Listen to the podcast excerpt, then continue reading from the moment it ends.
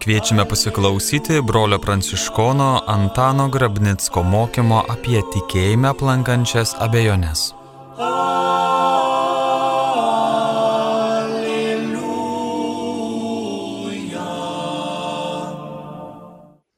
Tikėjimas ir abejonė. Mielas broli, mielas sesė, kviečiu pamastyti ir įvertinti abejonės, kurios kartais kyla tikėjimo kelyje. Privalu įsiaiškinti, kokią reikšmę ir kokią įtaką abejonės turi mano tikėjimui ir mano gyvenimui. Pradedu nuo klausimo. Jeigu pajuntu savo širdyje abejonę, pavyzdžiui, kad ir Dievo buvimu, ar tai didelė blogybė? Sakau ne. Blogybės nėra.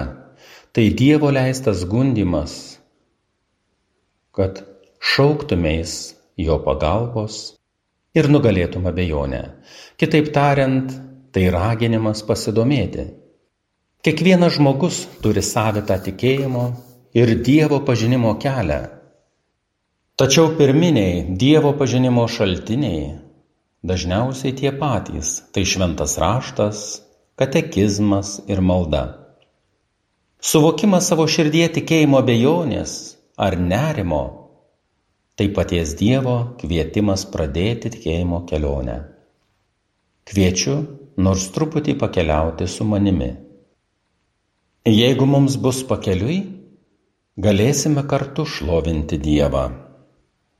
Pirmiausiai kviečiu įvertinti mūsų žmogišką prigimtį. Žmogus gimsta nieko nemokėdamas. Pavyzdžiui, iš perėtų ančiukų nereikia mokyti plaukti. Net jeigu ančiukus išperėtų višta ir mokytų kapstyti žemę, lesti žvyro akmenėlius, ji nepajėgs pakeisti jų instinkto. Jie vis tiek žnaibys tą kažolę ir vos pamatę vandenį šoks į jį ir plaukios. Nors višta tuo metu lakstytų kudakuodama aplink tvenkinį skelbdama pavojų.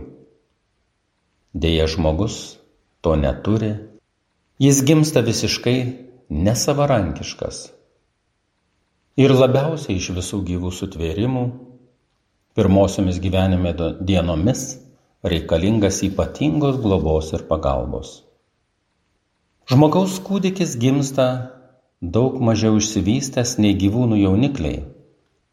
Jis moka tik tai rėkti ir čiulpti pieną. O gyvūnų, tokių pavyzdžiui kaip šunys, beždžionės, žirafos ar arkliai, jaunikliai moka šliaužioti, įsikipti ar net iškart atsistoti ant kojų. Jei bet kurio gyvūno palikuonio smegenys praktiškai susiformuoja iki gimimo, tai žmogaus naujagimio smegenys yra tarsi tuščias popieriaus lapas. Nuo to, kas bus įrašyta šiame lape, priklauso, kiek gabus ir išprusęs tap žmogus. Gimę mes mokomės ne tik vaikščioti, kalbėti, hygienos dalykų, bet taip pat ir tikėjimo dalykų, o ypač mylėti. Ne vienas negimstame mokėdami vairuoti automobilį ir panašiai. Taigi tikėjimo bejonės suvokimas ar to, kad aš kažko nežinau, nėra blogis. Blogis būtų ir toliau pasilikti nežinojime. Kitaip tariant, nesigilinti ir neatsiliepti į raginimą pažinti. Moralinėje teologijoje toks neveiklumas būtų vadinamas valinga abejonė. Antra, pasinaudokime bažnyčios autoritetu ir jos dviejų tūkstančių metų patirtimi. Katalikų bažnyčios katekizmo 2008 punktas sako, Tėviškas Dievo veikimas savo įtaka yra pirmesnis, laisvas žmogaus bendradarbiavimas paskesnis, tad ir nuopelnai dėl gerų darbų pirmiausia priskiriami Dievo maloniai ir tik paskui tikinčiajam. Taigi žmogaus nuopelnų šaltinis galiausiai yra Dievas, nes geri žmogaus darbai prasideda Kristuje iš šventosios dvasios įkvėpimo ir pagalbos. Arba 2567 punktas. Dievas pirmas pašaukia žmogų, maldoje visada pirmas su meile kreipiasi ištikimasis Dievas, žmogaus kreipimasis visada tėra atsakymas. Kuo labiau apsireiškia Dievas ir leidžia žmogui pačiam save pažinti, tuo labiau malda tampa abipusių šauksmų ir sandoros drama, į kurią žodžiais ir veiksmais įsijungia širdis. Iš to, kas pasakyta, aišku, kad mūsų mintys gali būti įtakotos iš šalies tiek Dievo, tiek žmonių, tiek gundytojo. Tad abejonė ar savotiškas nerimas yra ženklas pasirūpinti žiniomis ir pašalinti abejonę. Taigi Dievas visada mūsų širdyje prabyla pirmas, o mes, kaip be apsispręstume, tik atsakome. Kaip mes elgiamės abejonės atžvelgių kasdienėme gyvenime? Jeigu būdamas kambaryje pradedu abejoti, ar užrakinau nakčiai duris, ką pirmiausia darau? Einu prie durų ir patikrinu, kitaip tariant, pašalinu abejonę. Šiuo atveju nekyla jokių minčių apie kitokį galimą sprendimą ar poelgį. Dvasinėje plotmėje turėtume elgtis pagal tokį pat principą. Tačiau dvasinių vertybių atžvilgiu šalia rūpesčio domėtis Dievo prieiškimu dar reikia saugotis gundytojo klastos arba kitaip tariant, pasitikrinti informacijos šaltinius. Gundytojas veda į klaidą labai nepastebimai, kad žmogus to nepajustų. Todėl mes, įkliuvę net į didžiausią priklausomybę, nematome savo bėdos nes nemokame kritiškai įvertinti nueito kelio ir pamatyti bendrą skirtumą, ar tiksliau pasakius, neturime galimybės sugretinti, kaip buvo prieš ir po. Mes pastebime tik paskutinį žingsnelį ir tam neteikiame didelės reikšmės. Mat tas žingsnelis neviršyje mūsų jėgų eiti kitą kryptimį. Kitas pavyzdys. Per savo gyvenimą nesu sutikęs nei vieno žmogaus, kuris apie maistą sakytų, kuo daugiau supuvusio maisto valgysiu, tuo stipresnis būsiu. Arba kuo daugiau užnuodytų ar užkrėsto patogenais maisto vartosiu, tuo būsiu sveikesnis. Tačiau dvasinė plotmėje beveik visi kaip susitarę sako, kad kuo daugiau skaitysiu, tuo gudresnis, gudresnė būsiu. Retas žmogus rūpinasi dvasinio maisto švara. Nuo vaikystės tėvai to nemoko.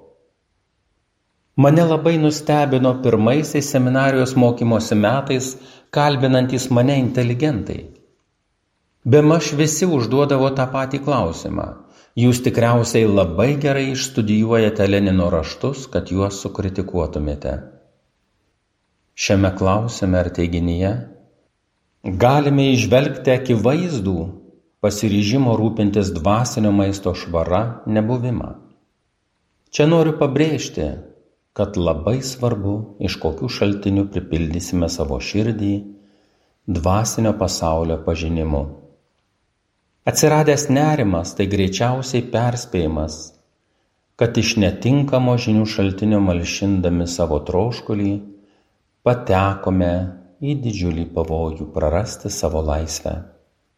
Manau, kad nebus prieštaraujančio pasakymui, kad žmogus esantis priklausomybėje yra vergas ir jau nebeturi galimybės laisvai tvarkyti savo laiką ir gyvenimą. Arba dar tiksliau, vien savo jėgomis nepajėgs išsilaisvinti iš priklausomybės. Krikšto metu mums įskiepijamos trys dieviškos dorybės - tikėjimas, viltis ir meilė. Nuo krikšto dienos tėvai ir krikštatėviai yra atsakingi už šitų dorybių ugdymą pakrikštitojo širdyje. O nuo savarankiškumo momento mes perimame tą atsakomybę palaipsniui ant savo pečių. bet šiandien noriu paminėti tik tikėjimo darybę ir atsakomybę šios darybės atžvilgiu. Štai keletas citatų iš Katalikų bažnyčios katekizmo apie tikėjimą. Tikėjimas pirmiausia yra asmeniškas žmogaus ryšys su Dievu ir drauge nuo to neatskiriamas laisvas pritarimas visai Dievo apreikštai tiesai. Būdamas asmeniškas ryšys su Dievu ir pritarimas jo apreikštoms tiesoms, krikščionių tikėjimas skiriasi nuo tikėjimo žmogumi. Teisinga ir gera visiškai pasitikėti Dievu ir absoliučiai tikėti tuo, ką jis sako. Būtų tuščia ir klaidinga šitaip tikėti kūriniu. Tikėjimas yra tikras, daug tikresnis negu visoks žmogiškas pažinimas, nes remiasi paties Dievo, kuris negali meluoti žodžiu. Be abejonės apreikštosios tiesos žmogaus protui ir patirčiai gali atrodyti neaiškios tačiau dieviškosios šviesos teikiamas tikrumas yra didesnis negu tas, kurį duoda prigimto proto šviesa. Tikėjimas yra asmeniškas viso žmogaus ryšys su apreiškiančiu Dievu. Tai proto ir valios pritarimas Dievui, apsireiškiančiam savo darbais ir žodžiais. Tikėjimas yra būtinas išganimui. Pats viešpats tvirtina, kas įtikės ir pasikrikštys bus išgelbėtas, o kas netikės bus pasmerktas. Morkaus 16.16. 16. Taigi reikėtų neužmiršti, kad tikėjimas yra Dievo dovana ir ta dovana suteikia mums tam tikrą ramybę.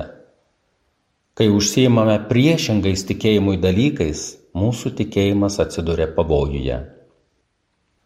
Jeigu mes tikėjimo nemaitiname, bet skiriame laiką prieštaros dalykams ir žinioms, tada ir patiriame Dievo perspėjimą, tam tikrą nerimą ir abejonę. Turime labai panašų pavyzdį iš savo kasdienybės. Šio laikinis žmogus labai gerai žino perspėjimą telefone, kad likus 15 ar 10 procentų baterijos galios atsiranda pranešimas. Jis negazdina mūsų, bet primena, kad pasirūpintume telefono baterijos pakrovimu, kitaip tariant, pamaitinimu. Jei nepasirūpinsime, telefonas užges. Manau, kad prieš mūsų akis iššaukusią bejonę tikėjime, tai panašus perspėjimas, jog esame pavojuje prarasti valios laisvę ir galimybę savarankiškai priimti savo moralinius sprendimus. Ačiū Dievui, kad mūsų širdėje yra panašus perspėjimas. Vos tik tikėjimas pakimba ant plauko dėl abejingumo žodžiai ir jo pažinimui. Ar dėl nuolatinio laiko skirimo bet kam kitam, tik nedraugystė su Dievu ugdymui. Tada sieloje pajuntame nerimą, kurio nereikėtų išsigasti, bet reikėtų užsiimti savo tikėjimo gelbėjimu kuris gali būti nukirptas kaip paskutinis ryšio su Dievu siūlelis, abejingumo ir netikėjimo žirklėmis. Žmonės pasižymė didžiu abejingumu tiesai, nepaisydami minėto perspėjimo. O jeigu žmogus ir reaguoja, tai pasirenka ne tą kryptį, kurią ragina eiti Dievas. Kitaip tariant, nepatikrina informacijos šaltinių Apie tokį abejingumą dar prieš du tūkstančius metų pranašavo paštalas Paulius laiške Timotiejui. Ateis toks laikas, kai žmonės nebepakęs sveiko mokslo, bet pasidavę savo įgėdžiams susivadins savo mokytojų krūvą, kad tie dusgentų ausyse, jie nukreips ausis nuo tiesos, o atvers pasakoms. Šie paštalo Pauliaus žodžiai atskleidžia nesažiningų mokslininkų klastą. Labai skaudu, kad daugelis šių dienų mokslininkų pateikia įvairias hipotezes mokslo vardu. Ir daugybė žmonių suklaidina ir apgauna. Juk hipotezė ne mokslas, o tik spėlionė ir bandymas pakeisti iš dieviškų šaltinių gaunamas tiesas kitų šaltinių tiesomis. Mielas brolis sesė, kaip rūpinėsi maisto švara ir ekologiškumu, taip kviečiu tuo pačiu uolumu rūpintis tikėjimo ugdymu ir dvasinio maisto švara. Sudė. Alleluja.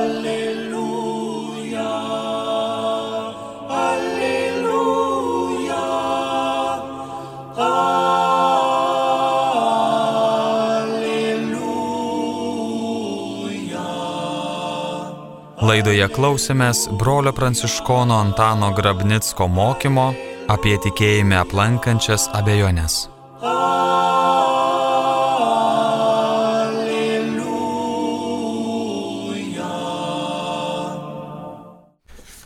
Bendrosios audiencijos katechezė - krikščioniškoji viltis.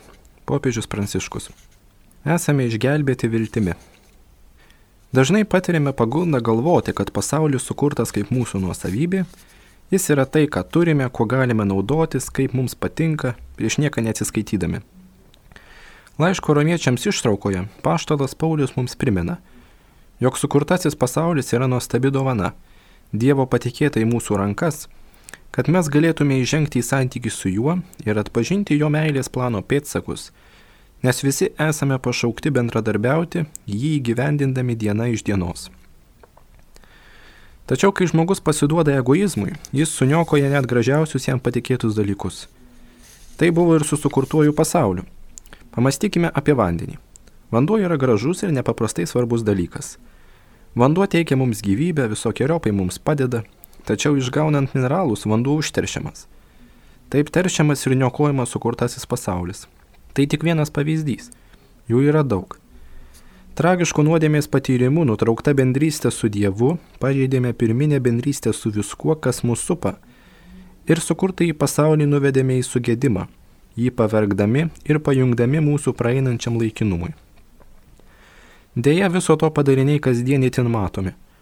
Žmogus nutraukęs bendrystę su Dievu praranda savo pirminį grožį ir supurvina visą tai, kas jį supa.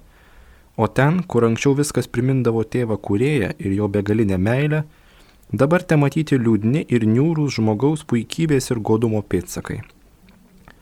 Žmogiškoji puikybė išnaudodama sukurtą į pasaulį jį naikina. Tačiau viešpas nepalieka mūsų vienų ir netgi toje niūrioje situacijoje mums dovanoja naują, išlaisvinančią perspektyvą - visuotinį išganimą. Būtent tai su džiaugsmu pabrėžia Paulius, kviesdamas mus klausytis visos kūrinijos dėjonių. Atkreipkime dėmesį, viskas aplink mus dėjoja. Dėjoja pati kūrinyje, dėjojame ir mes žmonės, mumyse, mūsų širdyse dėjoja šventoji dvasia. Tačiau tos dėjonės nėra tuščias nepagodžiamas skundas, bet, kaip patikslina apaštalas, tai gimdančios moters dėjonės. Tai dėjonės kenčiančio žmogaus, kuris vis dėlto žino, kad netrukus į pasaulį ateis nauja gyvybė. Mūsų atveju taip iš tikrųjų yra. Mes dorojame su mūsų nuodėmės padariniais ir viskas aplink mus nešioja mūsų sunkumų, mūsų klaidų, mūsų užsisklendimo pėtsakus. Tačiau tuo pat metu žinome, kad buvome viešpaties išgelbėti ir jau galime kontempliuoti bei ragauti savyje ir mūsų supančioje aplinkoje naują kūrinyje, kildinančius prisikėlimo Velykų ženklus ir džiaugtis jais. Tai mūsų vilties turinys. Krikščionis gyvena ne už pasaulio ribų. Jis gali atpažinti savo gyvenime ir aplinkoje blogio ir egoizmo ženklus. Jis solidarus su kenčiančiais, verkiančiaisiais, nustumtais į pakraščius, nugrimzdusiais liudesyje. Tačiau tuo pat metu krikščionis išmoko visą tai perskaityti Velykų akimis, prisikėlusio Kristaus akimis. Taigi jis žino, kad gyvename laukimo laiku, ilgesio laiku, pranokstančių dabartį, išsipildymo laiku. Vilties dėka žinome, jog viešpats nori savo gailestingumu galutinai išgydyti sužeistas ir nužemintas širdis, visą tai, ką žmogus savo bedievyste sugadino. Ir kad taip jis atkuria naują pasaulį ir naują žmoniją, galutinai sutaikindamas juos savo meilę. Kiek kartų mes krikščionys esame gundomi nusivilti, pasiduoti pesimizmui. Kartais leidžiame savo nenaudingai skūstis, mums stinga žodžių ir net nežinome, ko prašyti, kuo viltis. Dar kartą į pagalbą mums ateina šventoji dvasia, mūsų vilties įkvėpėja. Jos dėka mūsų širdies dėjonės ir lūkesčiai išlieka gyvi. Šventoji dvasia anapus dabarties negatyvių regimybių regimų mise ir jau šiandien mums apreiškia naują dangų ir naują žemę, kuriuos viešpas ruošia žmonijai. Bendrosios audiencijos katechezė - krikščioniškoji viltis. Popiežius Pranciškus. Alleluia.